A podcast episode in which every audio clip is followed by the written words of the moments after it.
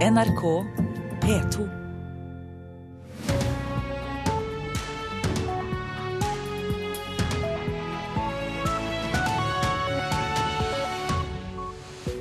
Velkommen til Nyhetsmorgen og disse sakene. Norge er ikke en miljønasjon, for olje- og gassalg gir ti ganger så mye utslipp enn vi selv har, sier Cicero-sjef Kristin Halvorsen. Og vi må få en Trump-sikker klimapolitikk, det mener miljøstiftelsen eh, Zero. Og bileier fikk skader for 140 000 kroner. Det er vanlig at bilførere stikker av etter å ha kjørt på parkerte biler, ifølge forsikringsbransjen. Partiene på Stortinget unngår å snakke om de virkelig store utslippene Norge bidrar til. Det mener Kristin Halvorsen, som er sjef for CICERO, Senter for klimaforskning. For mens regjeringen og støttepartiene krangler om noen øre i bensinavgift for å redusere utslippene her i landet, så medfører oljen og gassen som Norge selger, ti ganger så store utslipp. Internasjonalt sett så er vi først og fremst en olje- og gassnasjon som bidrar til langt større utslipp enn det vi sjøl har ansvaret for å rapportere på. CICERO-direktør Kristin Halvorsen setter den norske miljødebatten i perspektiv. For mens regjeringen og støttepartiene forhandler så busta fyker om et såkalt grønt skifte for å redusere utslipp i Norge, så sørger Norge for ti ganger så høye utslipp gjennom olje og gass vi selger. Mm -hmm. Um, Klimaforsker Robbie Andrew ved Cicero viser sjefen forskjellen mellom de utslippene vi diskuterer i Norge, og de mye større utslippene vi ikke snakker om. En lav linje nederst på skjermen som viser utslippene Norge rapporterer. Drøyt 40 tonn årlig. Over den et fjell av CO2 fra oljen og gassen vi selger. 477 tonn i fjor. Det er, syns jeg, veldig uh, talende når Robbie setter opp dette sånn. Hva vi sjøl uh, tar ansvar for, men uh, og hvor den norske debatten går, og hva slags ambisjoner vi har. Mens det totale bildet er jo at vi bidrar veldig mye mer. Og hvis du deler det på per hode nordmann, så har jo vi et veldig, veldig stort karbonavtrykk. Nina Jensen i WWF er en av dem som hver dag debatterer midt i den norske miljødebatten. Hvor ærlig er den diskusjonen vi har i Norge når vi bare snakker om de innenlandske utslippene? Nei, den blir jo ikke helt ærlig, fordi det er jo summen av de totale utslippene som virkelig avgjør. Fortsatt så har vi en olje- og gassektor som er en betydelig bidragsyter til problemet. Her hjemme så har utslippene økt med mer enn 80% siden 1990 fra olje og gass, og vi eksporterer årlig mer enn ti ganger de totale norske utslippene fra denne sektoren. Inntil vi tør å gjøre noe med det, så er ikke Norge en ekte miljønasjon. Kristin Halvorsen mener vi må slutte å skjule oss bak et heldig internasjonalt regelverk. Vi rapporterer jo korrekt, vi rapporterer på de utslippene som kommer fra norsk jord. Men når vi skal diskutere vårt klimaansvar, så bør vi ta med de enorme utslippene som all eksporten vår også uh, fører til. Kristin Halvorsen, sjef for eh, Cicero, og reporter Trond eh, Lydersen. Og I dag starter den store Zero-konferansen i Oslo. Leder for Miljøstiftelsen, Marius Holm, velkommen til oss. Takk for det. Vi hørte jo, eh, vi skal snakke om konferansen og mer om innholdet der, bl.a. en Trump-sikker klimapolitikk. Men aller først, hva syns du om dette regnskapet Kristin Halvorsen i Cicero setter opp? Ja, Det er jo helt korrekt. Vi, vi er en storeksportør av CO2 gjennom olje- og gasseksporten vår. Og ikke bare det, men vi fortsetter jo å investere i stadig nye olje- og gassfelt. Og med de konsekvensene konsekvensene klimamålene vil ha for olje- og gassetterspørselen globalt, så fremstår jo de investeringene vi holder på med nå, de fremstår som et stort veddemål mot Paris-målene. Fordi nye marginale olje- og gassfelt som vi putter milliarder i hvert år, de er ikke lønnsomme hvis klimapolitikken lykkes globalt. Men så er det noen land som er oljeeksportører, og noen som ikke er det. Så det er vanskelig å unngå dette her, at Norge kommer i den kategorien.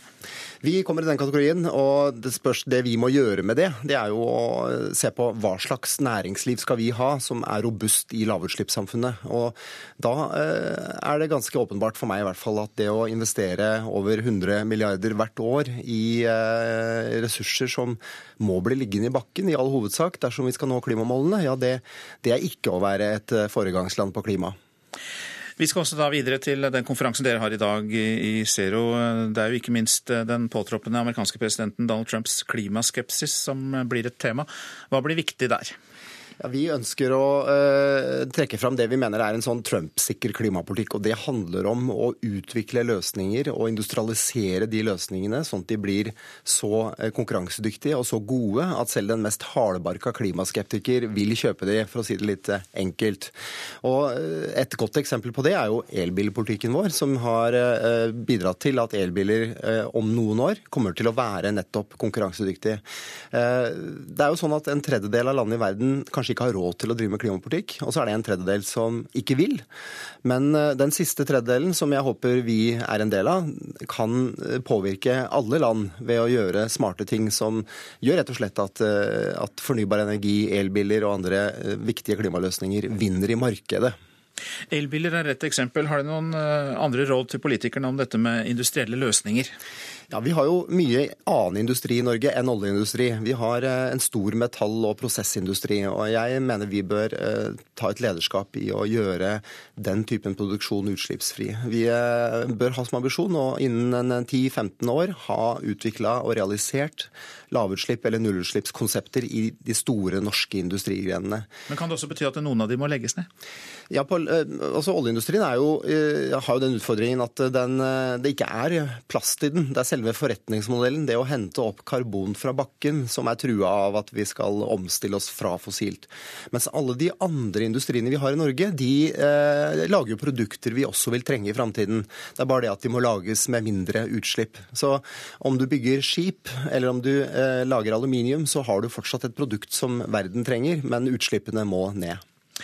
I eh, presserunden som vi skal høre om noen minutter, så leser vi i Dagsavisen at danskene går mot et totalt grønt samfunn. At de vil være det første landet i verden som ikke lenger trenger fossil energi. Hvor realistisk tror du det er?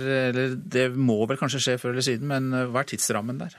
Ja, De klarer det, vil jo klare det i løpet av en 10-15 eh, år, tenker jeg. Det er, det er, nok ganske realistisk. Fordi, eh, og Danmark er, ikke, eh, Danmark er, jo et land som har, ikke har noe vannkraft. Så det er et spennende eksempel. Det vi skal være klar over, er jo at en forutsetning for at Danmark lykkes med å, å basere kraftforsyning på sol og vind, er jo at de er kobla til Norge. De kablene som vi legger mellom våre vannkraftverk og Danmark, gjør det mulig å bytte strøm, sånn at vi får vindkraft når det blåser mye, og så får de vannkraft når det blåser lite. Takk skal du ha, Marius Holm, som altså er leder for miljøstiftelsen Zero, som har sin store konferanse i Oslo i dag. Og så litt om avisene, og da kan vi jo starte der vi snakket eh, med Holm. Nemlig at danskene går mot eh, et grønt samfunn, er oppslaget i Dagsavisen. For innen 2050 skal de produsere mer fornybar energi enn det landet forbruker. Slik vil altså Danmark bli det første landet i verden som ikke trenger fossil energi lenger. Sylvi Listhaug tjener på Facebook-stuntet der over 50 000 delte kritikken av henne, sier valgforsker Torid Aalberg til Klassekampen. Hun mobiliserer egne velgere ved å framstille motstanderne som et hylekor, mener Aalberg. Jeg er stolt av det vi har fått til, sier skuespiller Kristoffer Joner til VG om Facebook-oppgjøret med Listhaug. Joner sier han var sikker på at alle forsto at det var et samarbeid med Norsk organisasjon for asylsøkere, NOAS, som lå bak. De var eh, arbeidsløse kelnere. Nå lever de godt på å lage falske nyheter. Aftenposten har truffet eh, Paris Wade og Ben Goldman, som sitter i en kjeller i California og tjener godt på at de legger oppdiktede og fordreide nyheter på Facebook og Google. For annonsørene der, som betaler for gildet, vet ikke hvilken sammenheng annonsene står. Sju av ti sier ja til skolegudstjenester før jul, viser en meningsmåling Infact har gjort for avisa Dagen. Veldig positivt og litt overraskende, sier Ellen Bergsland, rektor ved Lysejordet skole i Oslo, som i alle år har lagt opp til skolegudstjenester. Jeg hadde ventet mer motstand i folket, sier derimot Jens Brun Pedersen, pressesjef i Human-Etisk Forbund. Nedturen fortsetter, og neste år blir det verre i offshorebransjen, er budskapet i Dagens Næringsliv. Wenche Nistad i Garantiinstituttet for eksportkreditt varsler flere konkurser. GIEK har garantert for 27 milliarder kroner i gjeld til kriserammede offshorerederier, og hun tror ikke det verste er over. Politiet i Hordaland jobber på spreng for å ta unna køen av voldtektssaker, kan vi lese i Bergens Tidende. Antall narkosaker har stupt, men nå er det en spesialgruppe i gang med å få unna køen av 114 voldtektssaker som ennå ikke er avgjort. Nye E6 skal gå rett gjennom fjøset, er oppslaget i Adresseavisen. 60 boliger og et gardsbruk som har vært i samme slekt i mange hundre år, blir hardt rammet når en ny firefelts europavei mellom Ulsberg og Melhus skal bygges. Så går vi inn i sportens verden og alpint, for Henrik Stoffersen var tilbake på trening på landslaget i går. Etter søksmålet mot Norges Skiforbund har Kristoffersen trent for seg selv, og han droppet også verdenscupen i Finland sist helg. På tross av at han eh, skal ha skapt intern uro ved å etterlyse støtte fra lagkameratene, så syns Leif Kristian Haugen at det er fint å være fulltallig på trening igjen. Nei, sånn på, på, trening nå så har vi jo matcha som eh, vanlig, egentlig. Er, eh, han har kjørt noen raske turer, eh, jeg hadde noen raske turer. Her er vi alle for å prøve å hjelpe hverandre så godt som det er å bli best mulig på ski. Leif Kristian Haugen er klar på at det utenomsportslige legges til side når Henrik Kristoffersen omsider er tilbake på trening sammen med resten av alpinlandslaget. Det viktigste for oss er at, vi, at det er et bra, bra samhold og at vi jobber i samme retninga. Så så må man bli enig om hva som er riktig retning. Eh, men jeg føler i hvert fall at vi har prata ut om ting og jobber eh, nå. Fokuserer vi på det sportslige og det som betyr noe, det er å kjøre fort på ski. Det sportslige var også i fokus for Kristoffersen på gårsdagens trening. Han eh, brukte ikke mye tid på å snakke med lagkameratene under treningen, og det forklarer han slik. Jeg konsentrerer meg om det som er viktig. Det har jeg gjort før òg, det er bare at det har, da ikke andre sett det. Så det er ikke noe forskjell fra før. Jeg har gått i tre måneder tidligere på høsten og ikke snakka med en kjeft fordi at jeg har kjørt eh, dårlig på ski eh, og vil være for meg sjøl. På tross av interne konflikter utøverne imellom, forteller Kristoffersen at stemningen mellom han og lagkameratene fremdeles er god. Med løpere så er det ikke noe problem, det er det ikke, så det går fint. Reporter Malin Jørnholt. Om få sekunder er klokka kvart på sju. Dette er hovedsaker. Norge er ikke en miljønasjon, for olje- og gassalg gir ti ganger så mye utslipp enn det vi selv har, sier Cicero-sjef Kristin Halvorsen, som mener at partiene på Stortinget unngår å snakke om de virkelig store utslippene Norge bidrar til. Regjeringen i Colombia og FARC-geriljaen underskriver den nye fredsavtalen på torsdag. Den forrige avtalen ble avvist i en folkeavstemning, men den nye avtalen skal i stedet sendes til nasjonalforsamlingen for godkjenning. USAs påtroppende president Donald Trump vurderer å utnevne svigersønnen til spesialutsending for å drive fredsmekling mellom Israel og palestinerne. Vi får mer om det etter klokka sju her i Nyhetsmorgen. Bilførere stikker som oftest av etter å ha kjørt på en parkert bil. Det viser tall fra forsikringsbransjen. I oktober ble bilen til Jens Eivind Helgeland påkjørt, og skadene på bilen kom opp i 140 000 kroner. Og I hans tilfelle var det trolig en yrkessjåfør som stakk av. Jeg kom ned da, og så skulle hente noe i bilen. og Da eh, gikk jeg over på passasjersida der. Og da var hele sida der eh, knust. Døra var trykt inn, og som var en bakdør, og forskjermen var revet av og lå lenger nede i europaveien der. Jens Eivind Helgeland fra Haugesund har hytta på Seljestad i Odda kommune og må parkere langs europavei 134.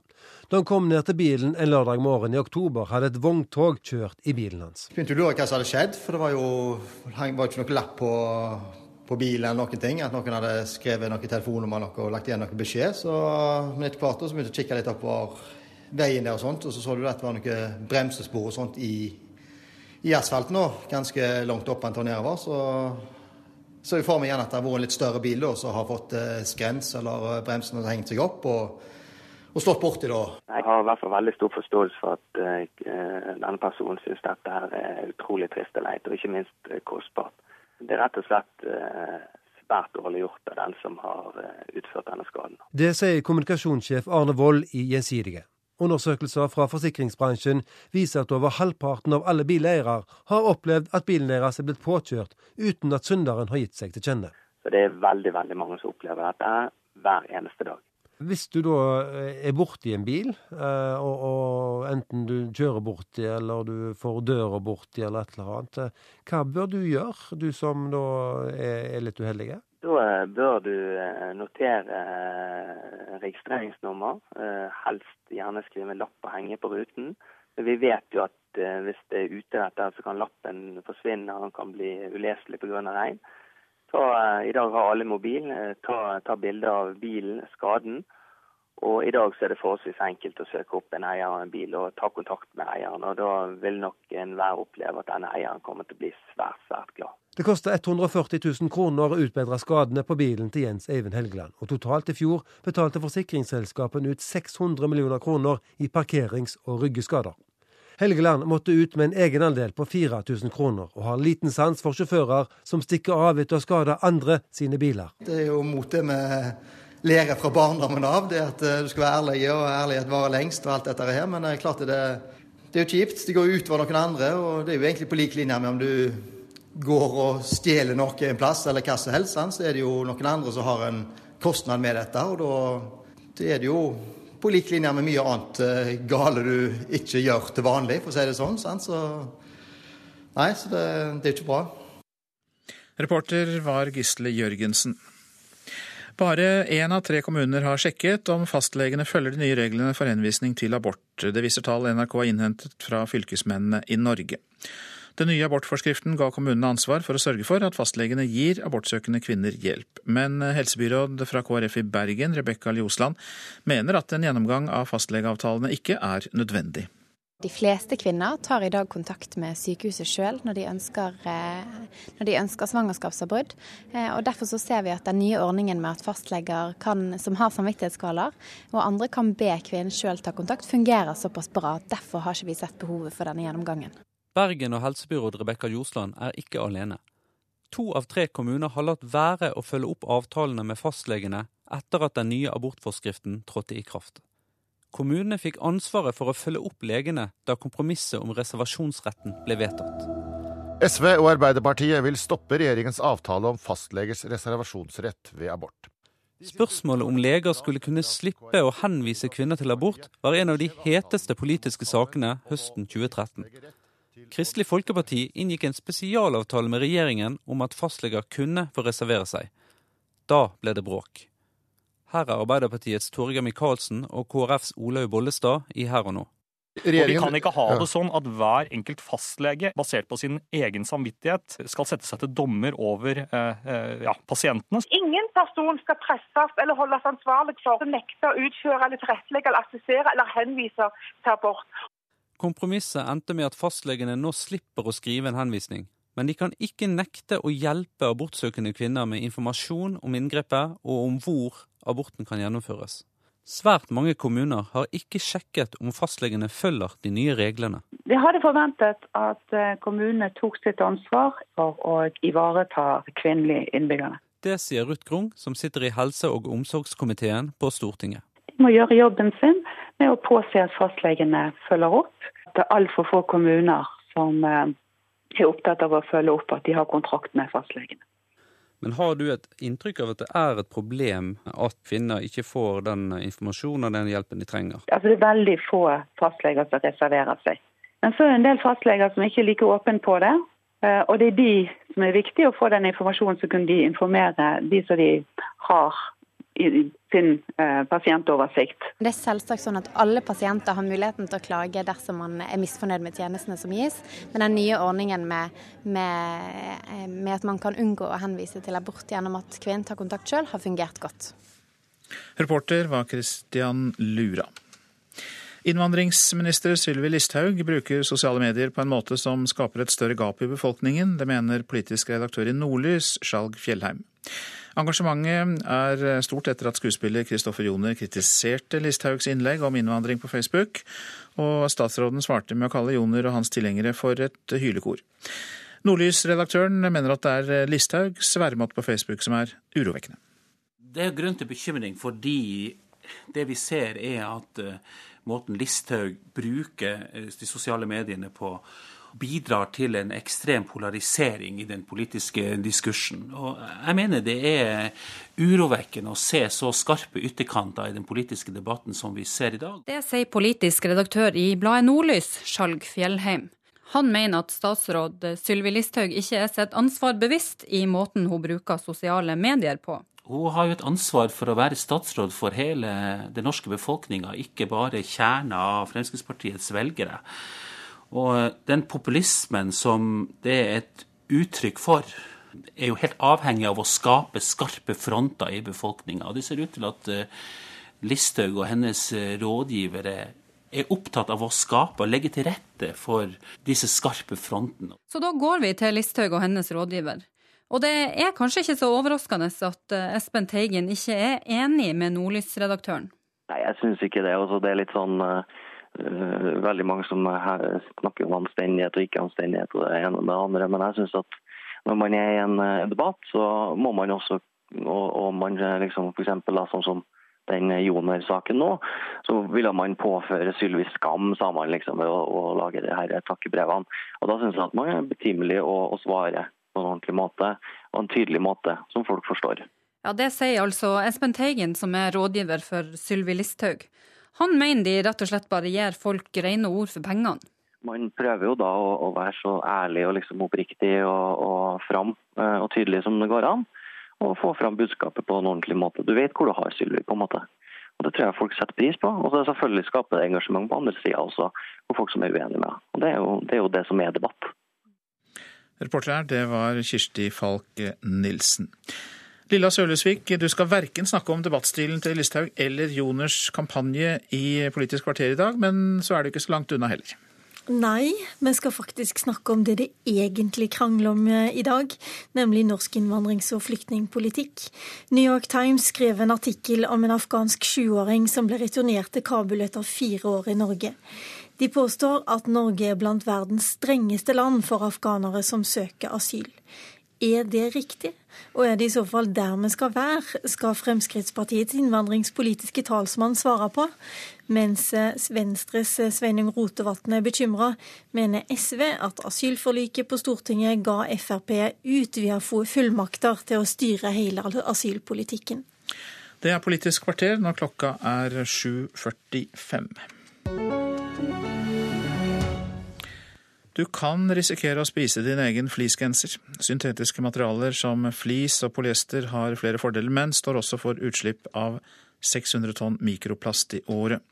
Nå jobber klesbransjen med miljøvennlige løsninger. Dette er alfa. Dette er en ny type isolasjonsfiber, som òg er en sånn slags kunstig fiber, men dette puster veldig mye bedre. Rundt en tredjedel av klærne nordmenn har i skapet er laget av syntetiske materialer, og mye av dette er sports- og fritidsplagg. Samfunnsansvarlig ved Norrøna, Torbjørn Roth, viser fram kolleksjonen i hovedbutikken i Oslo. De er gjerne slitsterke, og så er det òg at man kan få fram egenskaper som er vanskelige med organiske fibre. De kan være både vind- og vanntette og pustende. Men det er òg noen ulemper. For hver gang disse plaggene vaskes, så løsner det ørsmå biter med mikroplast. Sammen med vaskevannet renner de ned i kloakken og rett ut i havet. Og når plasten først flyter rundt blant fiskene, ja, da er det ikke lett å få den tilbake. Da er det kjørt. Det sier Per Erik Skjolse, marinbiolog hos Naturvernforbundet. Mange av sjødyrene filtrerer ting ut av vannet, og de filtrerer også i seg plast, og så går det i næringskjeden. Så eh, fleecegenseren du vasker, den kan rett og slett eh, havne opp på ditt eget middagsbord en stund seinere? Ja, og det her er jo seilt opp som en stor sak internasjonalt nå, fordi det er snakk om så voldsomt store mengder. Det slippes ut 600 tonn mikroplast fra klesplagg per år. Det sier Thomas Hartnick, seksjonsleder i Miljødirektoratet. Og som vi ser det på andre forurensninger, er det slik at det koster mye, mye mer å rense opp når man har sluppet det ut, enn å forebygge det. Tidligere i år fikk Miljødirektoratet i hasteoppgave av Klima- og miljødepartementet å undersøke hva vi kan gjøre for å minske utslippene av mikroplast. Det er både fordeler og ulemper med, med disse produktene som inneholder plast. Det mener Trond Evald Hansen, administrerende direktør i bransjeorganisasjonen Sportsbransjen. Vi spurte bransjeorganisasjonen hvordan de ser på problemet. I utgangspunktet så er jo resirkulering av plast en, en bra greie. Eh, men det er klart at når man nå i, i, neste omgang ser at disse produktene lover denne, denne, plasten eh, slik at dette kommer ut i kretsløpet, så er det jo, så er det uheldig. Har dere vurdert å slutte å bruke flis? Eh, ikke enda. Eh, for vi er jo litt der at det er, det er mye bra forskning, men vi vil òg gjerne ha litt mer, eh, litt mer forskning på det. Eh, vi er litt inne i en sånn catch 22, fordi at flis er en av de beste måtene vi har til å bruke resirkulerte fibre på. Så per dags dato så er nok det, mest, det beste for oss hadde vært å funnet en måte å begrense dette slippet i vaskesituasjonen. Til slutt eh, Torbjørn Roth i Norrøna og reporter Hanna Huglen Revheim.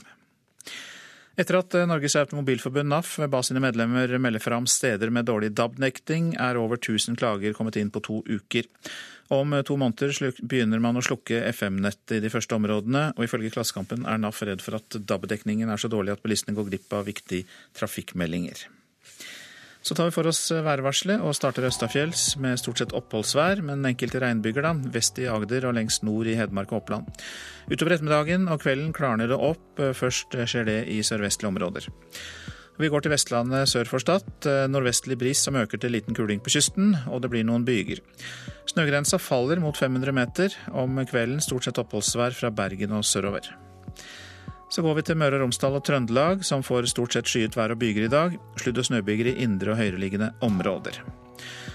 Nordland enkelte regn- og sluddbyger i ytre strøk, ellers stort sett opphold. På kvelden også byger lenger inn i landet og til dels som snø. Troms og Finnmark spredte sluddbyger i ytre strøk av Troms og Vest-Finnmark, mens det øst i Finnmark kommer litt snø. Ellers delvis skyet oppholdsvær. Spitsbergen stort sett opphold. Noen temperaturer klokka fire. Svalbard minus to. Kirkenes og Vardø én. Alta minus to. Tromsø, Bodø og Brønnøysund pluss to. Trondheim null. Molde to. Bergen seks. Stavanger ni. Kristiansand åtte. Gardermoen sju. Lillehammer én. Røros tre. Og Oslo-Blindern hadde sju grader. I Nyhetsmorgen skal vi høre fra lederen av nettverket som behandler overgripere, og spørre hva vi kan gjøre med den lange ventetiden for å få behandling, som vi hørte om i Dagsnytt nettopp. Kaoset i passkontrollen på luft, Oslo lufthavn kan bli enda verre enn det var i høst, frykter NHO. Donald Trumps svigersønn kan bli utnevnt til fredsmegler mellom Israel og palestinerne. Et svar til Nato, det sier russerne om at de utplasserer kraftige rakettsystemer i Kalingrad-enklaven ved Østersjøen.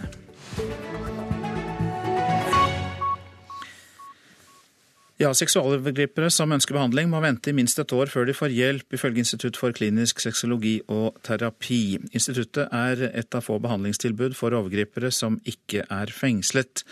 Psykologspesialist Tore Langfelt er bekymret. Det har jo hatt noen konsekvenser av det. Vi var jo en som sto på venteliste før han hadde begått overgrep, og så gikk han overgrep mens han sto på ventelisten, og det var veldig tragisk. Psykologspesialist Tore Langfeldt er bekymra for den voksende køen av seksualovergripere som søker behandling. På Instituttet for klinisk sexologi og terapi, et av de få behandlingstilbudene for de som ikke er i fengsel, er ventetiden på minst et år før de får hjelp. Det er veldig bekymringsfullt at vi må ha folk på ventelisten i det hele tatt.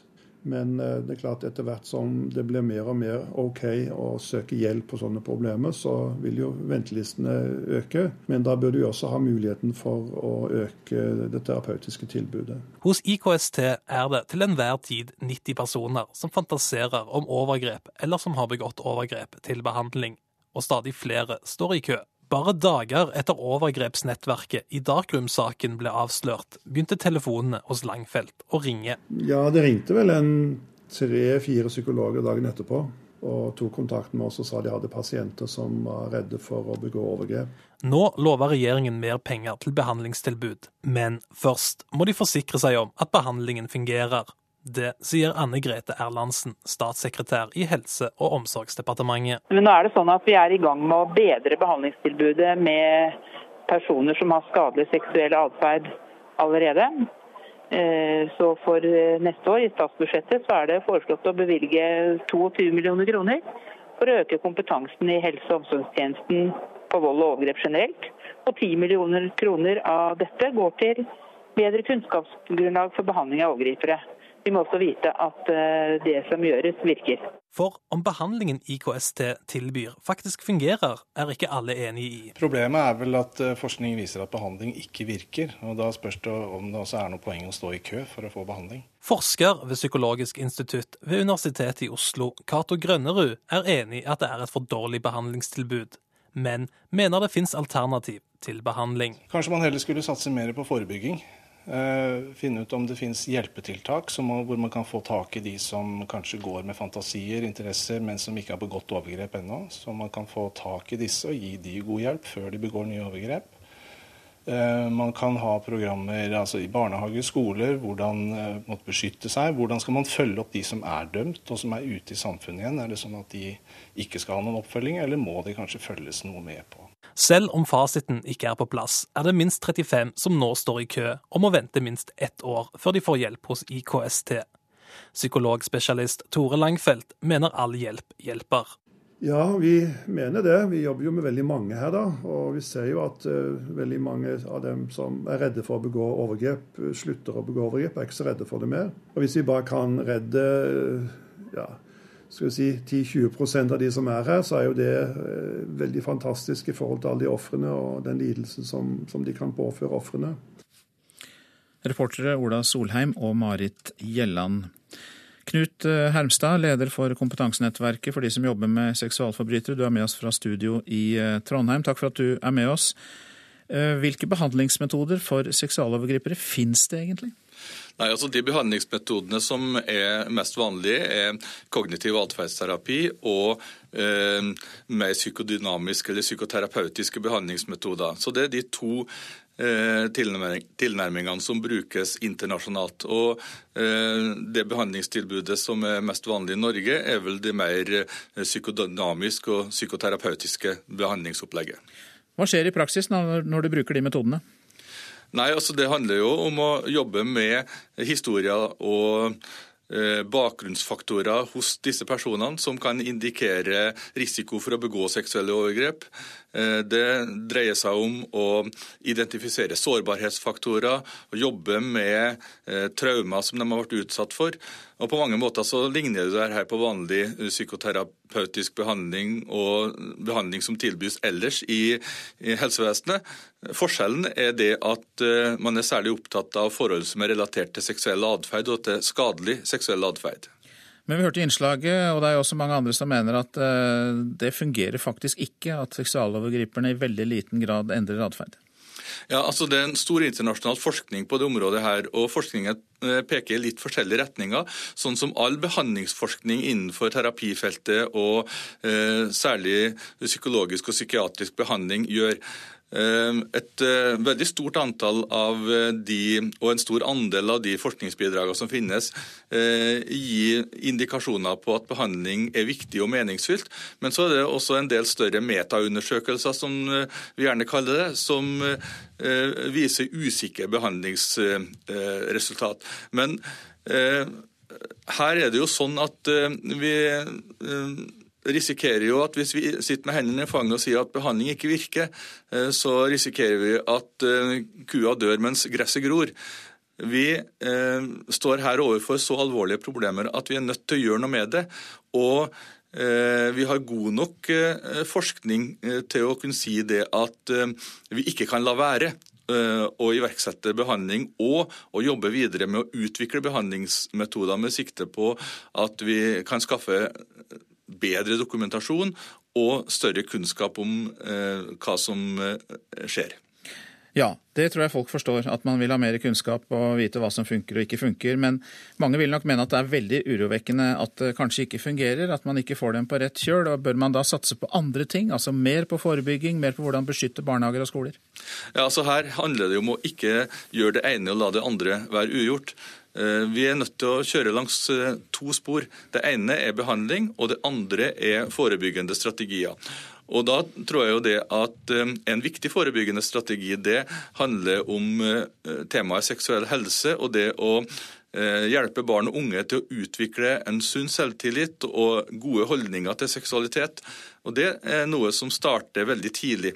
Vi har jo allerede i gang et eh, opplegg for eh, barn og unge med bekymringsfull og skadelig seksuell atferd. Det er et eh, tiltak som må videreutvikles og styrkes, for her vil vi kunne nå mange av de som senere ellers vil utvikle overgrepsatferd f.eks.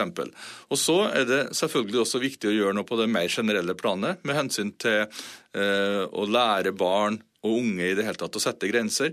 Men hvis vi bare skulle satse på å, eh, å lære grensesetting, eh, så risikerer vi jo at vi på en måte legger ansvaret på de som blir utsatt. Så vi må eh, både eh, ha en mer generell strategi mot barn og unge i sin helhet, men også målretta tiltak mot mulige overgripere.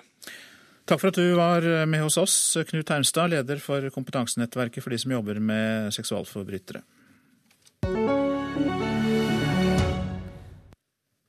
Kaset i passkontrollen på Oslo lufthavn kan bli enda verre enn det var eh, i høst. Det frykter NHO luftfart.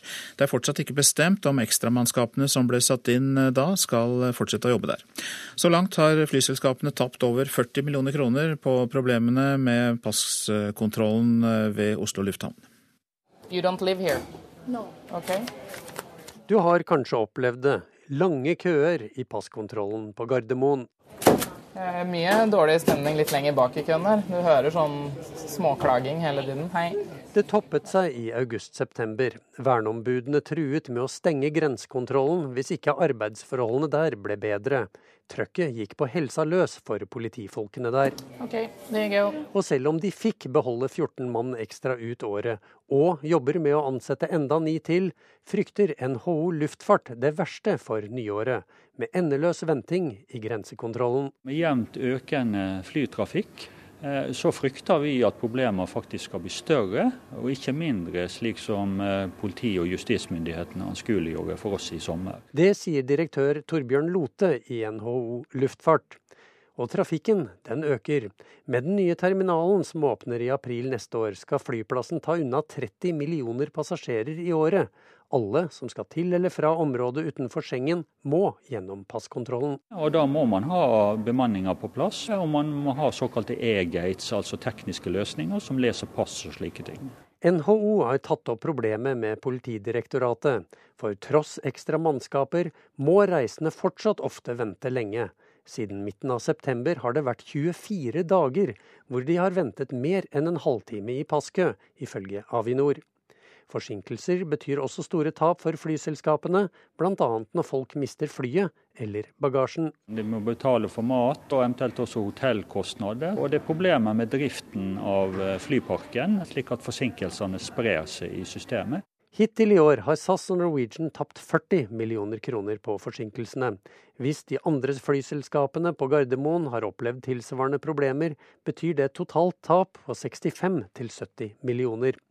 Likevel, verken Justisdepartementet eller Politidirektoratet kan love noe fra nyttår. Det er vanskelig å være konkret i forhold til flere stillinger, og dette må vi løse i en sånn dialog både oppover og nedover. Sier seksjonssjef i Politidirektoratet, Jan Erik Thomassen. Okay, I disse dager jobber EU med strengere regler for grensekontroll. Det betyr fort enda lengre køer, og behov for mer folk og kanskje flere passlesere. Når reglene trer i kraft, er imidlertid usikkert. Og hvor lange passkøene på Gardermoen blir fra nyttår, får vi ikke svar på før statsbudsjettet er klart. Vi kommer til å klare dette på en god måte. Vi kommer til også til å ivareta både beredskap og kriminalitetsutfordringer på Gardermoen. Reporter Kjetil Grude Flekkøy. Klokka nærmer seg kvart over sju. Dette er uh, hovedsaker. Regjeringen i Colombia og FARC-geriljaen underskriver en ny fredsavtale i morgen. Den forrige avtalen ble avvist i en folkeavstemning. Den reviderte avtalen skal kun sendes til nasjonalforsamlingen for godkjenning. Seksualovergripere som ønsker behandling, må vente minst ett år før de får hjelp, ifølge Institutt for klinisk sexologi og terapi. Flygere i tyske Lufthansa streiker. 876 avganger blir innstilt i dag, sju av dem til og fra Oslo. Og vi har hørt at kaoset i passkontrollen på Oslo lufthavn kan bli enda verre enn det var i høst. Det frykter NHO luftfart, for det er ikke avklart om det fortsatt skal være ekstra bemanning. USAs påtroppende president Donald Trump vurderer å utnevne svigersønnen til spesialutsending for å drive fredsmekling mellom Israel og palestinerne. Det kom fram under et møte Trump hadde med redaksjonen i avisa The New York Times i går. Trumps svigersønn Jared Kushner er selv ortodoks jøde og driver det stort som investor og eiendomsutvikler i New York. Han regnes som en av Trumps aller nærmeste rådgivere. I intervjuet med The New York Times i går sa USAs påtroppende president at han ikke ser noen juridiske hindringer for å gi Kushner en jobb i Det hvite hus. Men for å unngå konflikt kan han i stedet komme til å utpeke ham som spesialutsending for å megle fred i Midtøsten. Jeg ville elske å være den som fikk til fred mellom Israel og palestinerne, og Kushner kjenner regionen, sa Trump. Han var innom mange temaer i møte med redaktører og reportere i avisa. Trump sa bl.a. at han ikke har noen juridisk forpliktelse til å etablere grenser mellom hans eget forretningsimperium og Det hvite hus, men at han vil få til ordninger som i praksis skiller forretningsdriften fra jobben som president. På spørsmål fra redaksjonen fordømte han også en konferanse med hvite nasjonalister i den amerikanske hovedstaden sist lørdag, der noen av deltakerne gjorde nazihilsen og kritiserte jøder. Blant foredragsholderne var flere av dem som Trumps strategisjef Steve Bannon tidligere har latt få komme til orde i det mediehuset han drev. Richard Spencer fra alt-right-bevegelsen sa at Trumps valgseier viser at stemningen nå har snudd i kampen for å bevare den hvite kulturen. En annen beskrev konferansen som en seiersfest. Flere kommentatorer har bemerket at Trump, som har fortsatt å tvitre om ting han misliker, til nå ikke har tvitret om nasjonalistmøtet. I går kveld reiste Trump til Florida for å feire thanksgiving-høytiden med familien. Groholm, Washington. Nå tilbake til Europa. Ifølge det russiske forsvarsdepartementet er utplasseringen av kraftige rakettsystemer i enklaven Kalingrad ved Østersjøen et svar på Natos og USAs økte militære tilstedeværelse, bl.a. i Norge. Og vår korrespondent i Moskva, Morten Jentoft, fortell oss mer om denne russiske begrunnelsen. Ja, eh, russerne mener at eh, det som nå skjer i Kaliningrad, det er et svar på eh, den amerikanske særlig, da, som har trekker fram styrkeoppbyggingen i Europa. Dette anti-rakett rakettforsvaret som amerikanerne eh, har utplassert i Polen og Romania, som de sier eh, er rettet mot såkalte røverstater Iran, Nord-Korea. Eh, innkomne mulige raketter fra disse landene. Det mener russerne destabiliserer situasjonen i Øst-Europa. Kan også brukes mot russiske våpen. Derfor mener man da at man er nødt til å foreta en, en, en mottiltak. Man trekker også fram fra russisk side da, eh, eh, dette at eh, USA nå skal utplassere permanenter i Norge marinesoldater på Værnes. Sånn at Norge blir også trukket inn i diskusjonen hvorfor russerne da nå styrker sin militære tilstedeværelse i denne Kaliningrad-enklaven, som ligger jo ved Østersjøen mellom Litauen og Polen, isolert fra resten av Russland. Fortell oss litt om de rakettsystemene russerne utplasserer der. Ja, Vi har jo hørt uh, for en drøy måned siden at russerne vil utplassere disse Iskander-rakettene. Dette er jo mellomdistanseraketter som kan rettes mot militære mål. Blant annet sier jo russerne at de kan uh, rettes mot disse basene som amerikanerne uh, nå bygger opp da for sitt antirakettforsvar, bl.a. i Polen. I, tillegg til det så utplasserer man også dette bakke mot sjømål-systemet som heter Bastion, som kan nå mål helt bort til Danmark. Og I tillegg til det så uh, skal man også utplassere Russlands mest moderne antiluftskytsrakettsystem, som heter PVOC 400 i Kaliningrad.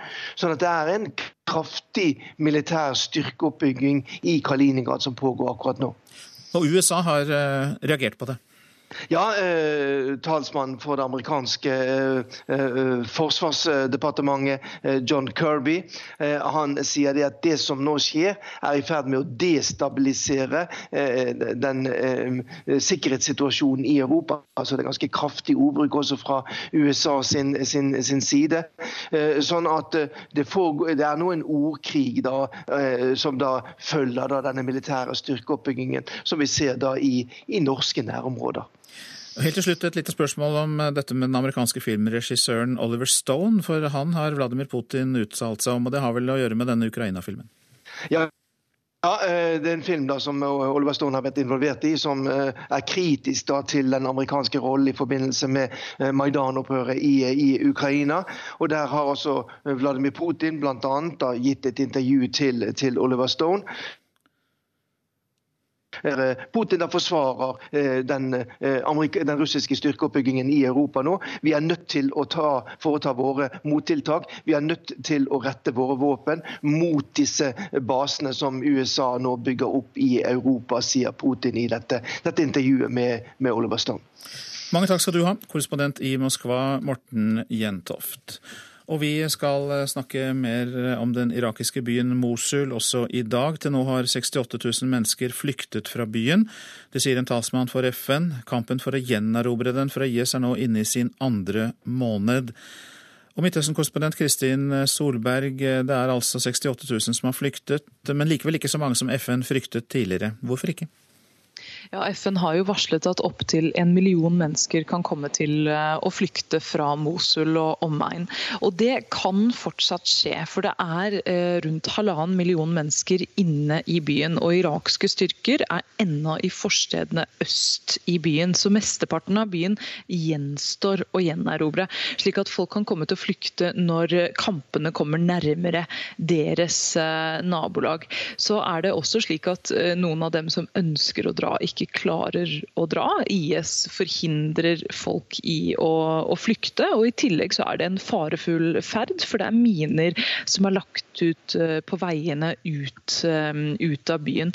I tillegg så er det også slik at de 68 000 menneskene som har flyktet, det er, det er de som har flyktet ut av IS-kontrollerte områder. Men det er også slik at en del flykt, eh, mennesker har flyktet andre vei. Altså De har flyktet fra forstedene av byen og videre inn i byen. Altså fra irakske styrker og videre inn i, i de IS-kontrollerte områdene av byen. Og Det gjør jo situasjonen vanskeligere for irakske styrker i og med at det blir enda flere sivile inne i områdene som de skal, skal gjenerobre fra IS. Du har jo sett hva som skjer i disse områdene. Hva slags hjelp får flyktningene når de klarer å komme ut?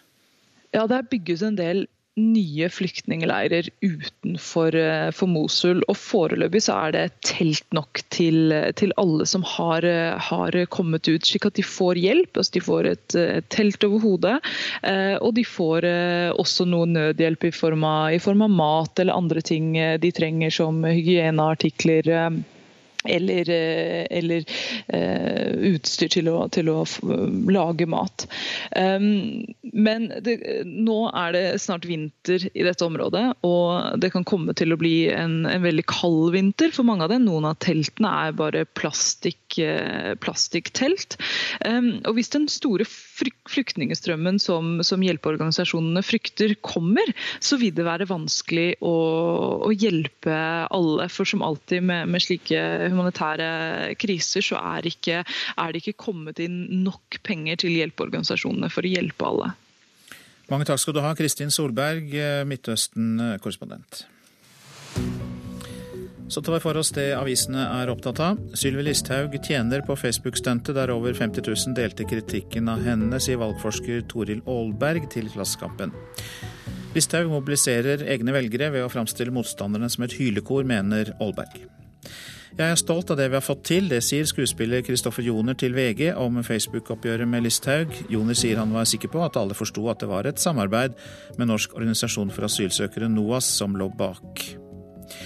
De var arbeidsløse kelnere, nå lever de på å lage falske nyheter. Aftenposten har truffet Paris Wade og Ben Goldman, som sitter i en kjeller i California og tjener godt på at de legger ut oppdiktede og fordreide nyheter på Facebook og Google for annonsørene der vet ikke i hvilken sammenheng annonsene står. Sju av ti sier ja til skolegudstjenester før jul, viser en meningsmåling Infact har gjort for avisa Dagen.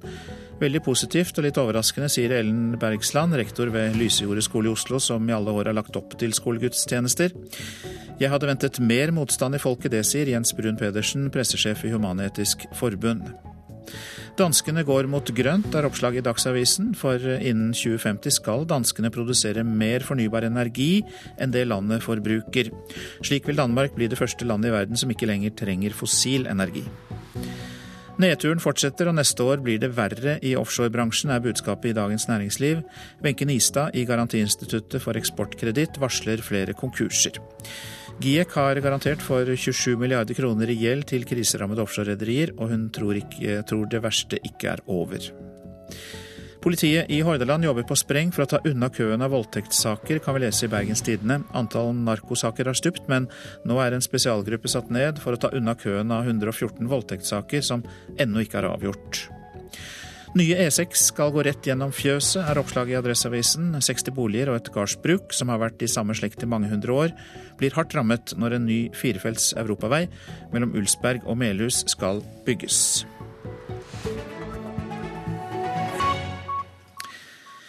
Nå til Måløy i Sogn og Fjordane, for der får hunden Ivo skylden for at en person brakk og falt og brakk lårhalsen.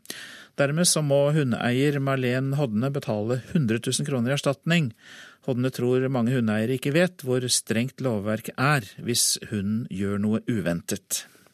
Jeg tror ikke folk er, er klar over hva små marginer her egentlig er. Uansett skyld, står der i, i lova, så skal vi erstatte skade som dyr volder på, på personer. Marlen Hodne blar i bunken med sakspapir medan hunden hennes Ivo ligger på gulvet og ser på.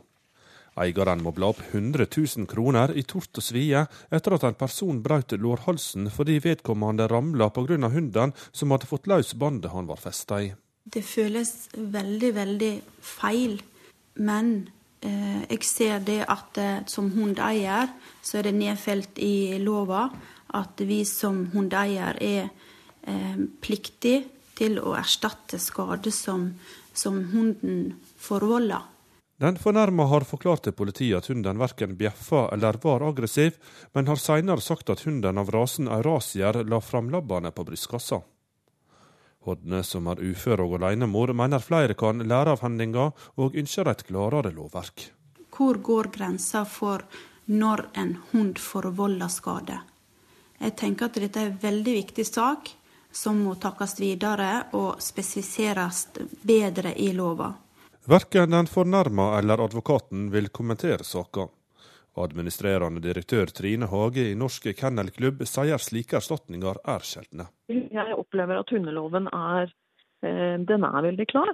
Det står at du har ansvaret for, eh, for din hund, og det står at du egentlig skal ha kontroll på, på hunden din. Så det går vel mer på fortolkningen av den, den loven. Altså når inntreffer økonomisk ansvar for, for hundeeieren.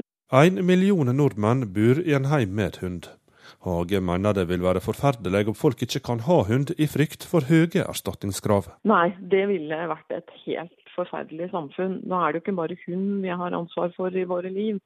Så vi, vi får virkelig ikke håpe at samfunnet går i den retningen der. Når vi ser hvor enorme samfunnsverdier hun tilfører Norge, Eh, så ville det vært helt grusomt hvis vi gikk i en retning som gjorde at folk ikke turte av hun. I Måløy skal Marlen Hodne nå klare å betale de 100 000 kronene. Det er veldig, veldig tungt. Det er begynt å bli amerikanske forhold.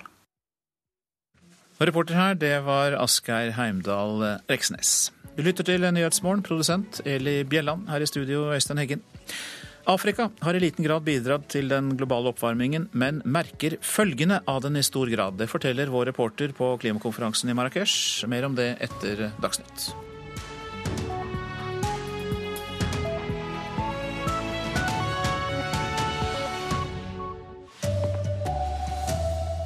Overgripere som vil ha behandling, må vente minst ett år før de får hjelp Det var en som sto på venteliste før han hadde begått overgrep, og så gikk han overgrep mens han sto på venteliste. Svigersønnen til Trump kan bli fredsmekler i Midtøsten. Kaoset i passkontrollen på Gardermoen kan bli enda verre, advarer NHO. God morgen, her er NRK Dagsnytt klokken er 7.30. Overgripere som ønsker behandling må vente minst ett år før de får hjelp, ifølge Institutt for klinisk sexologi og terapi. Instituttet er et av få behandlingstilbud for overgripere som ikke sitter i fengsel, og psykologspesialist Tore Langfelt frykter at personer kan begå nye overgrep mens de er i kø. Vi har jo hatt noen konsekvenser av det. Vi var jo en som sto på venteliste før han hadde begått overgrep. Og så begikk han overgrep mens han sto på ventelisten, og det var veldig tragisk. Psykologspesialist Tore Langfeldt er bekymra for den voksende køen av seksualovergripere som søker behandling. På Instituttet for klinisk sexologi og terapi, et av de få behandlingstilbudene for de som ikke er i fengsel, er ventetiden på minst et år før de får hjelp. Det er veldig bekymringsfullt at vi må ha folk på ventelisten i det hele tatt. Men eh, det er klart etter hvert som det blir mer og mer OK å søke hjelp på sånne problemer, så vil jo ventelistene øke. Men da bør du også ha muligheten for å øke det terapeutiske tilbudet. Hos IKST er det til enhver tid 90 personer som fantaserer om overgrep eller som har begått overgrep til behandling, og stadig flere står i kø. Bare dager etter overgrepsnettverket i Darkroom-saken ble avslørt, begynte telefonene hos Langfelt å ringe. Ja, det ringte vel en tre-fire psykologer dagen etterpå og tok kontakt med oss og sa de hadde pasienter som var redde for å begå overgrep. Nå lover regjeringen mer penger til behandlingstilbud, men først må de forsikre seg om at behandlingen fungerer. Det sier Anne Grete Erlandsen, statssekretær i Helse- og omsorgsdepartementet. Men nå er det sånn at Vi er i gang med å bedre behandlingstilbudet med personer som har skadelig seksuell atferd allerede. Eh, så For neste år i statsbudsjettet så er det foreslått å bevilge 22 millioner kroner for å øke kompetansen i helse- og omsorgstjenesten på vold og overgrep generelt. Og 10 millioner kroner av dette går til bedre kunnskapsgrunnlag for behandling av overgripere. Vi må også vite at eh, det som gjøres, virker. Reportere Ola Solheim og Marit Gjelland. USAs påtroppende president Donald Trump vurderer å utnevne svigersønnen sin til spesialutsending for å drive fredsmekling mellom Israel og palestinerne. Det kom frem under et møte Trump har hatt med redaksjonen i avisen The New York Times. Trumps svigersønn Jared Kushner er selv ortodoks jøde og driver det stort som investor og eiendomsutvikler i New York. Han regnes som en av Trumps aller nærmeste rådgivere. I intervjuet med The New York Times i går sa USAs påtroppende president at han ikke ser noen juridiske hindringer for å gi Kushner en jobb i Det hvite hus. Men for å unngå konflikt kan han i stedet komme til å utpeke ham som spesialutsending for å megle fred i Midtøsten. Jeg ville elske å være den som fikk til fred mellom Israel og palestinerne, og Kushner kjenner regionen, sa Trump. Han var innom mange temaer i møte med redaktører og reportere i avisa. Trump sa bl.a. at han ikke har noen juridisk forpliktelse til å etablere grenser mellom hans eget forretningsimperium og Det hvite hus, men at han vil få til ordninger som i praksis skiller forretningsdriften fra jobben som president. Det sa USA-korrespondent Gro Holm. Regjeringen i Colombia og FARC-geriljaen skal underskrive den nye fredsavtalen i morgen, etter at den forrige ble avvist i en folkeavstemning. Avtalen skal gjøre slutt på over 50 år med krig. På torsdag reiser vi til Bogotá for å underskrive avtalen, sier president Juan Manuel Santos. Også FARC-ledere har kommet for å signere. Og når avtalen er vel underskrevet, skal den videre til godkjenning i nasjonalforsamlingen. Den første avtalen med FARC ble forkastet i en folkeavstemning 2.10. Nå er altså en ny klar. Den skal inneholde endringer og presiseringer etter forslag fra et bredt spekter av samfunnet, heter det. Opposisjonen mener den nye avtalen har forbedringer, men er ikke fornøyde. Tidligere president Alvaro Uribe, som ledet motstanden mot den opprinnelige, vil heller ikke godta den nye. Og han er ikke alene om å være skeptisk. El segundo acuerdo tiene mejoras que son absolutamente indiscutibles. Senator Marta Lucia Ramires sier det er fundamentale ting i denne avtalen som bekymrer. Bl.a. at FARC-medlemmer innen et år kan stille med kandidater til Kongressen eller til presidentvalg uten at de har blitt straffet for det de har gjort, sier hun. Det er ikke klart når avtalen skal legges fram for nasjonalforsamlingen. Regjeringen har et solid flertall der. Det sa utenriksmedarbeider Marit Kolberg.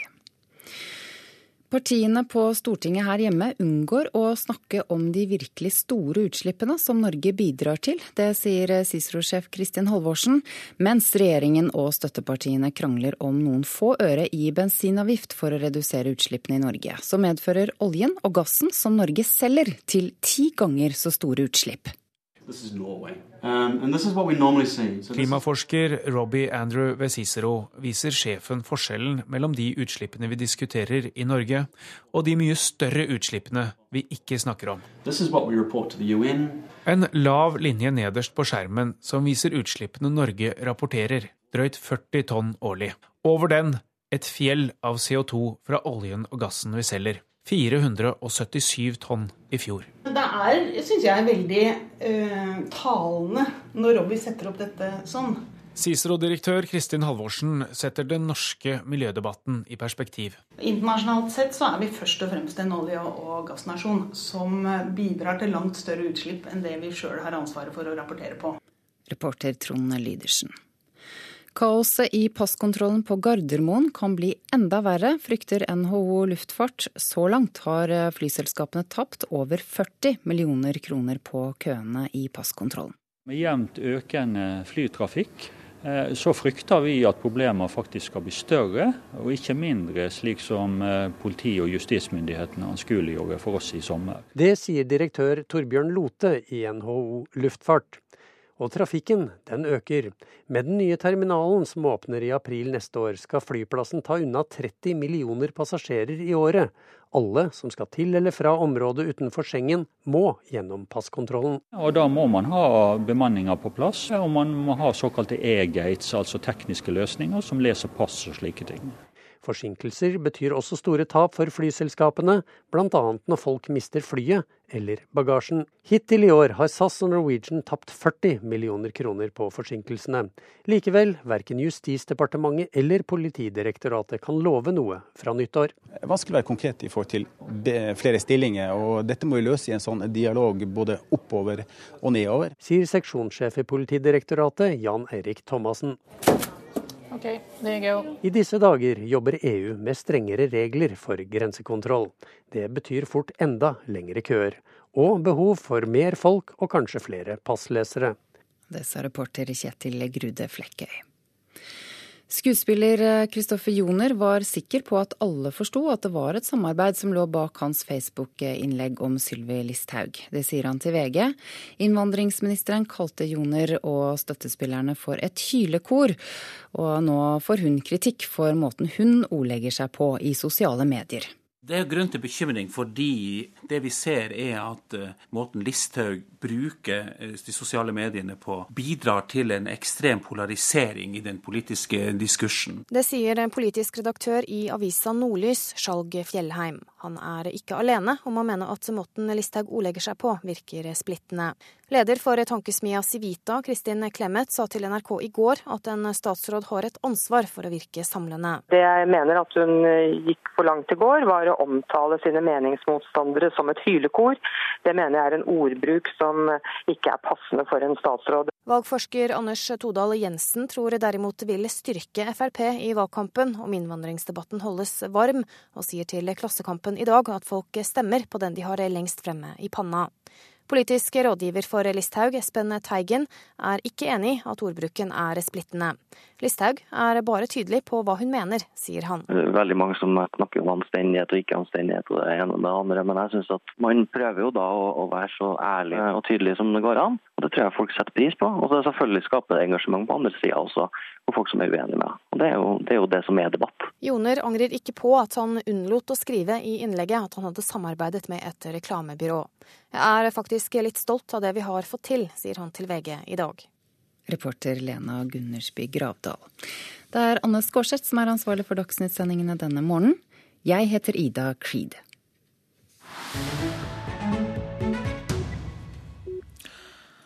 Afrika har i liten grad bidratt til den globale oppvarmingen, men merker følgene av den i stor grad. Det er temaet nå i Nyhetsmorgen. Afrikanske land etterlyser nå pengene som rike land har lovet for å takle klimautfordringene de står overfor. Lasina Kolibair er klimautsending fra Mali, og mer eh, fra vår reporter på klimakonferansen i Marrakech, Eivind Molde, som har snakket med henne. Mali is one of the country that most affected by the effect, uh, negative impact of uh, climate change. Uh, we are confronted on the Mali er et av de landene som merker effekten av klimaendringene sterkest. Tørke, regn. Det er store endringer sammenlignet med tidligere. Vi har planer og strategier for å bremse effekten av klimaendringene, men trenger økonomisk hjelp for å gjennomføre. Like. Uh, we since uh, several COP now we are talking about the 100 billion. We like to see Vi ønsker mer framdrift i spørsmål om finansiering. Vi har lenge hørt om de 100 milliarder dollar som rike land skal stille opp med årlig fra 2020. Nå må det handling til. Kommissær Råda Peace Tumisime i Den afrikanske union er heller ikke nøyd. Det er sterkt beklagelig at det er så lite informasjon om hvor mye penger som kommer inn, sier hun. But even since it was pledged, how much has been given? We don't see enough transparency in its uh, implementation. Countries say they have given it, and we don't see how much they have put on table. So uh, it's very critical, but we want it to be actualized.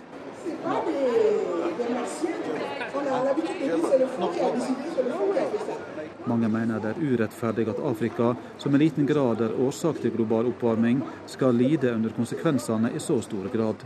Uh, all scientific reports note that Africa is about the most vulnerable region to the adverse impacts of climate change, even when we are the least contributor to greenhouse gas emissions. Anthony Nyong, som er ansvarlig for klimasaker i Den afrikanske utviklingsbanken.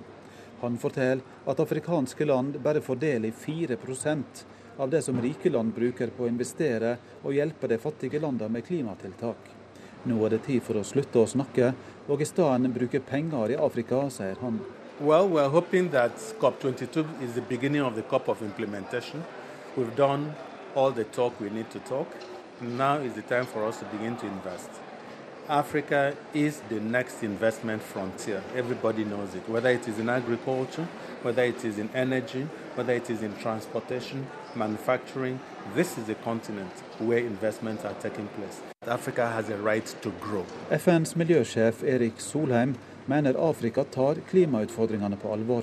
Jeg vil si Afrika nå tar stor grad av ansvar, men det er selvfølgelig også det kontinentet med de største utfordringene. Simpelthen fordi det er det desidert den fattigste delen av verden. Man kan bare løse klimaproblemene i Afrika som en del av den økonomiske framgang og veksten som vi må se de nærmeste tiårene, som skal bringe millioner av mennesker ut av fattigdom. Men heldigvis er det jo sånn at det å løse klimautfordringer skaper en enorm mengde nye, grønne, spennende arbeidsplasser. Og det er som en del av den grønne veksten klimaet vil bli løst i Afrika. Hva kan verden lære av Afrika når Afrika nå går inn i en fase med, med, med grønn vekst? Ja, Hvis Afrika gjør dette riktig, så vil det vise at du kan integrere for å si det på en veldig fin måte, økonomisk framgang og miljø fra første stund. Ikke som vi gjorde i Vesten, og som Kina stort sett har gjort, nemlig først få økonomisk framgang, og når man har stor nok framgang, så begynner man å løse miljøproblemene. Men gjøre begge tingene parallelt, f.eks. ved ikke å utvikle en stor kullindustri, men få en svær utvikling av, av sol og vind. Hovedsaker i Nyhetsmorgen. Overgripere som ønsker behandling, må vente minst et år før de får hjelp, ifølge Institutt for klinisk sexologi og terapi. Psykologspesialist Tore Langfeldt frykter at de kan begå nye overgrep mens de er i kø. Regjeringen i Colombia, FARC-geriljaen, underskriver en ny fredsavtale i morgen. Den forrige avtalen ble avvist i en folkeavstemning, mens den reviderte avtalen kun skal sendes til nasjonalforsamlingen for godkjenning. USAs påtroppende president Donald Trump vurderer å utnevne svigersønnen til spesialutsending for å drive fredsmekling mellom Israel og palestinerne. Det sier Trump til New York Times. Kaoset i passkontrollen på Gardermoen kan bli enda verre enn det var i høst, frykter NHO Luftfart. Så langt har flyselskapene tapt over 40 millioner kroner på køene i passkontrollen. Så er det Politisk kvarter ved Lilla Sølhusvik.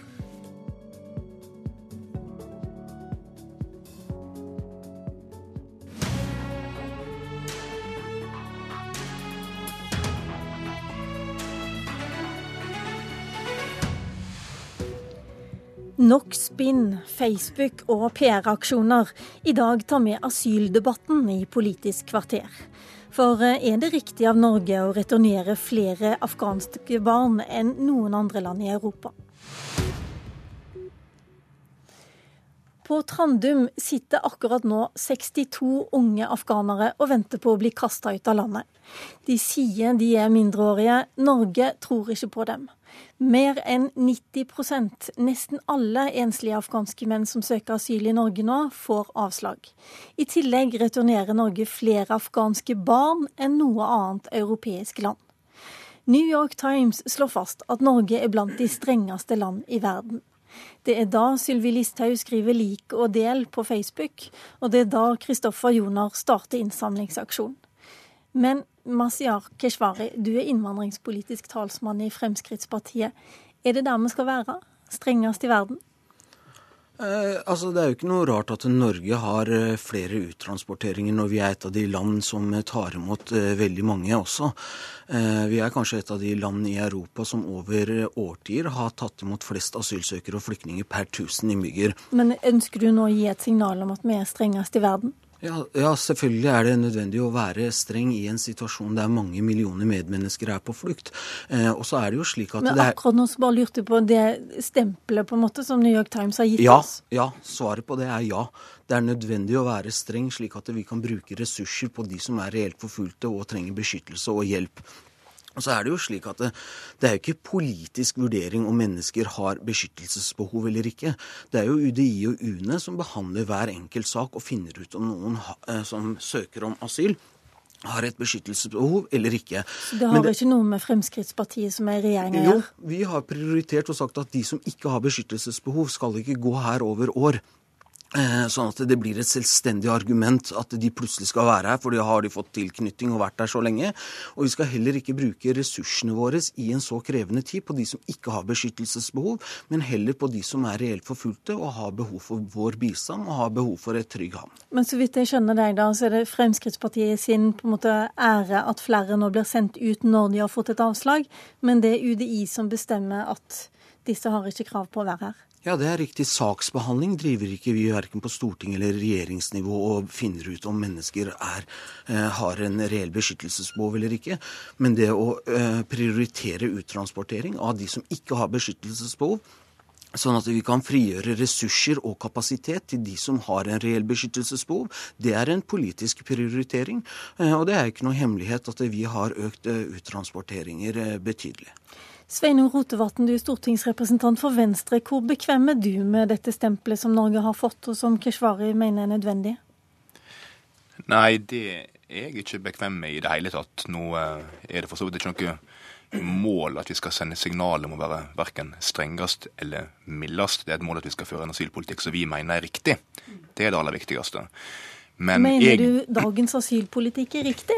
Nei, på mange områder så er den ikke det. Eh, og eh, jeg er bekymra fordi når vi ser at våre naboland eh, returnerer om lag 50% av de som kommer fra Afghanistan, mens hos oss så er det bare 25% som får bli, så mener jeg at det er all grunn til å gå inn i praksis og se hva er det som gjør at vi mener at det er så trygt å reise tilbake til dette landet, mens andre gjør andre vurderinger. Nå på mandag sikta vi ei bombe i Kabul under en gudstjeneste.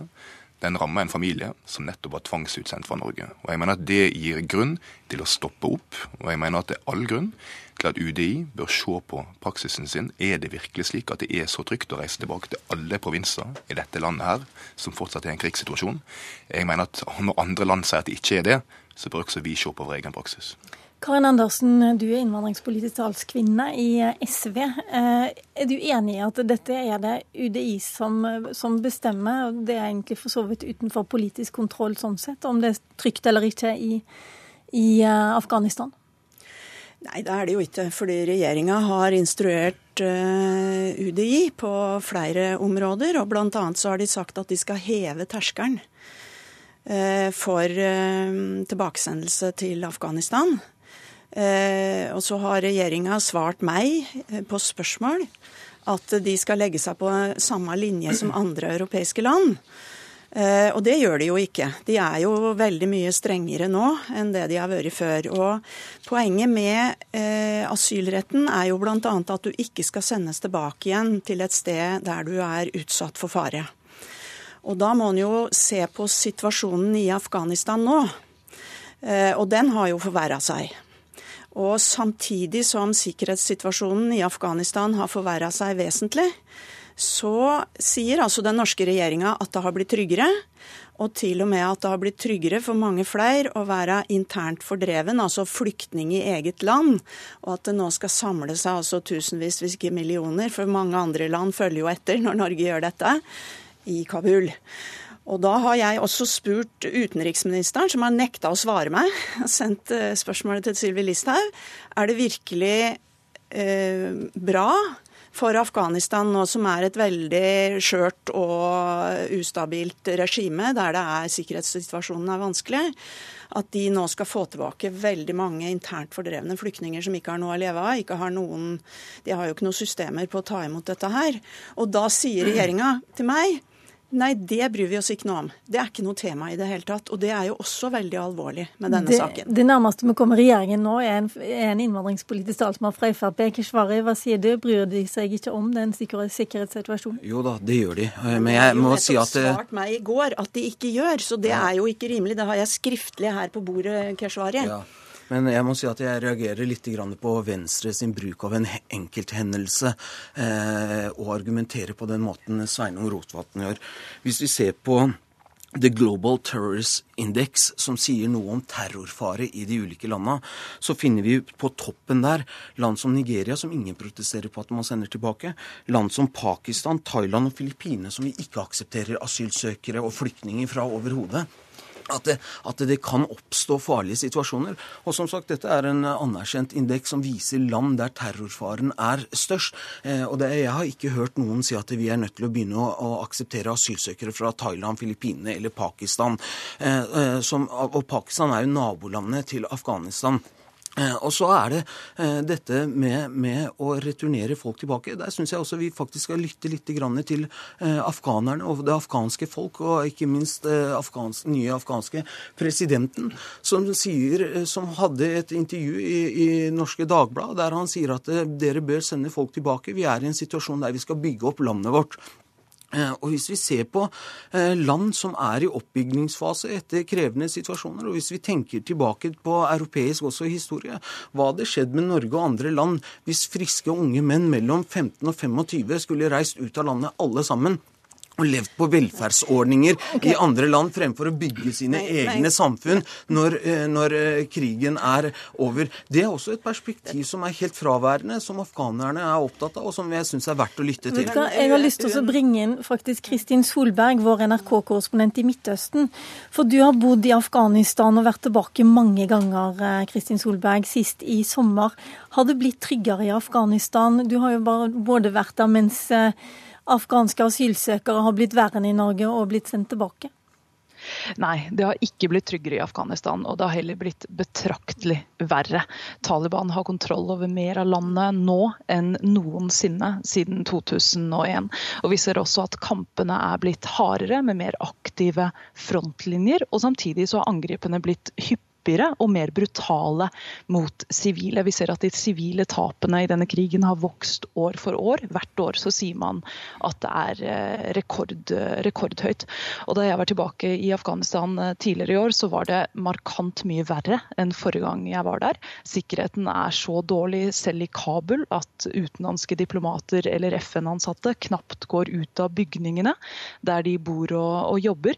Og for afghanere også så er, så er truslene mange. Det det er bombeangrep, det siste bare for et eh, par dager siden. Det er kidnappinger, og det er henrettelser av, av mennesker som, som, Taliban regner som fiender. Men altså, UDI, det er litt dårlig gjort at de skal få skylda her, fordi de vektlegger jo det som heter landinfo, og da er det også mange eksperter som sier, og som konkluderer med at det ikke er noen provinser i Afghanistan der sikkerhetssituasjonen i seg sjøl er så alvorlig at enhver asylsøker er beskytta mot retur dit, i motsetning til f.eks. i Syria. Du har jo vært begge steder. Hva tenker du om dette? Hvis du sammenligner de sivile tapene, så er de høyere i Syria enn de er i Afghanistan. Det er en mer intensiv uh, krig som pågår der. Men uh, krigen i Afghanistan den pågår i så godt som alle provinser. Og noen av dem er nå mer eller mindre helt under Taliban-kontroll, og det er aktive frontlinjer i mange av dem. slik at for mange helt vanlige afghanere så, så føler de en, en, en, en ganske reell frykt for livene sine og for livene til familiene sine. Selv om de er i provinser som eh, blir regnet som trygge, som f.eks. i hovedstaden. Takk skal du ha, Kristin Solberg. Rotevatn, du sa du var bekymra, men jeg har jo ikke sett noe særlig initiativ etter hvert som situasjonen i Afghanistan har eskalert, og etter eh, asylforliket i vår? Eh, når det gjelder eh, asylforliket, så var det jo litt uh, ulike flertall på Stortinget som vedtok ulike ting der. Og det er ikke sånn som Keshvari sier, at det, ikke er politisk vedtatte lover regler som styrer returpraksisen i Norge. Jo, det var det jeg sa. Jeg ja, sa Enkeltbehandling av asylsaker foretas ikke politisk. Men, nei, men rammen sa, av det ja, er politisk. Det, det, sa selvfølgelig heller ikke jeg, Keshvari. Eh, men det som var en endring som ble gjort, bl.a. Eh, med regjeringspartiet og Arbeiderpartiet, det var at før så var det sånn at hvis du står i stor fare og er forfulgt i en del av et land, så kunne en bare returnere deg til en annen del av det landet eh, dersom det var en rimelighetsvurdering som lå til grunn. Den er nå fjerna. Eh, og det får helt konkrete konsekvenser for at folk blir sendt tilbake til et land som ikke bare NRKs korrespondent, men som også FN og som Utenriksdepartementet sier har blitt farligere og farligere. Og Derfor mener jeg og Venstre at det er all grunn til å se hvorfor er det sånn at andre land er mye mer forsiktige med å sende folk hit, mens Norge sender tilbake 75 Jeg er bekymra for om det er trygt. Og jeg mener at det ville vært klokt hvis både Frp og regjeringa tilnærmer seg den problemstillinga med litt mer ydmykhet, istedenfor å skremme med unge menn. Det er faktisk veldig mange barn og kvinner som kommer til flukt til Norge fra Afghanistan, og som blir sendt rett ut igjen. Men nå er det jo bl.a. ditt parti som gjør at Fremskrittspartiet styrer eh, flyktningpolitikken akkurat nå? Ja, Nå sitter vi og forhandler med denne regjeringa om et statsbudsjett, så uh, vi får håpe at vi blir enige om det. Uh, men når det gjelder flyktningpolitikken, så uh, har det jo i praksis det siste året vært Arbeiderpartiet og Senterpartiet som har vært støtteparti for denne regjeringa. Selv om Venstre også har ment at enkelte innstramminger har vært Det stemmer vel det, Karin Andersen. Du, du rister på hodet, ja, men det stemmer jo det. Det er Venstre som holder Fremskrittspartiet i regjering, og holder Sylvi Listhaug ved rattet i asylpolitikken, så det må dere ta ansvar for og dere var også med på et forlik som sa at uh, Sylvi Listhaug og regjeringa kunne stramme inn på nesten hva som helst. Nei, bare de fant det. Nei, nei, jo, det er, det er, et punkt i det asylforliket, og hvis du ikke har lest det, så burde du gjøre det nå. Selvfølgelig og der, har jeg lest det. Der står det at finn en regel eller en rundskriv og stram inn på det, noe som kan hindre at det kommer asylsøkere til landet. Og jeg håper nå at Venstre eh, som jeg, jeg er helt enig i de argumentene du nå har mot det som nå skjer. Men da må dere gjøre eh, alvor av det. For det asylpolitikk handler jo faktisk om liv og død. Det er jo det vi diskuterer her nå. Dette er et land som har blitt mye utryggere. Og vi veit altså ingenting om, og regjeringa veit ingenting om, for de har ikke snakka med afghanske myndigheter om dette. Det svarte regjeringa meg i går. Så når Keshvari sier at dette er et ønske fra afghanske myndigheter, så har han det altså fra en avisartikkel, okay. og ikke ikke fra seriøse samtaler mellom den norske regjeringa og den afghanske regjeringa om dette er en ønsket politikk. Tvert imot sier også FN, ja, FN sier at dette er farlig, og okay. de frykter til og med en sultkatastrofe. Jeg bare lurer på til slutt her. Eh, 2800 asylsøkere har kommet så langt i år. Er det nødvendig å være så veldig streng da? Ja, det er det når du ser over år hvor mange vi har tatt imot per tusen. Men jeg må bare si at jeg reagerer igjen da på eh, ting man tillegner andre folk. Jeg har ikke skremt noen unge menn. Jeg har konstatert det faktum at majoriteten av asylsøkere som kommer, også afghanske eh, asylsøkere, det er unge menn. Og jeg viste til en uttalelse fra den afghanske presidenten som sier at vi trenger unge menn til å bygge opp eh, landet vårt. Men den afghanske innenriksministeren, eller flyktningministeren, sier vel også at det er riktig at det er ingen som tør å gå ut av disse internasjonale, heller ikke de norske diplomatene? At det er eh, krevende eh, situasjoner mange steder i verden, det er det ingen eh, tvil om. Dernest så er det ikke noe rart at vi uttransporterer flest når vi får også flest. Eh, fordi man kunne jo stilt det spørsmålet tilbake. Da. Det er jo ikke rart at det Polen, eh, Ungarn, eh, Slovakia, Tsjekkia ikke uttransporterer så mange folk til Afghanistan, all den tid det ikke kommer så mange afghanske eh, asylsøkere, om Og noen dit. Der må du sette punktum. Vår tid er ute. Lilla Sølhusvik var ansvarlig. Hør flere podkaster på nrk.no podkast.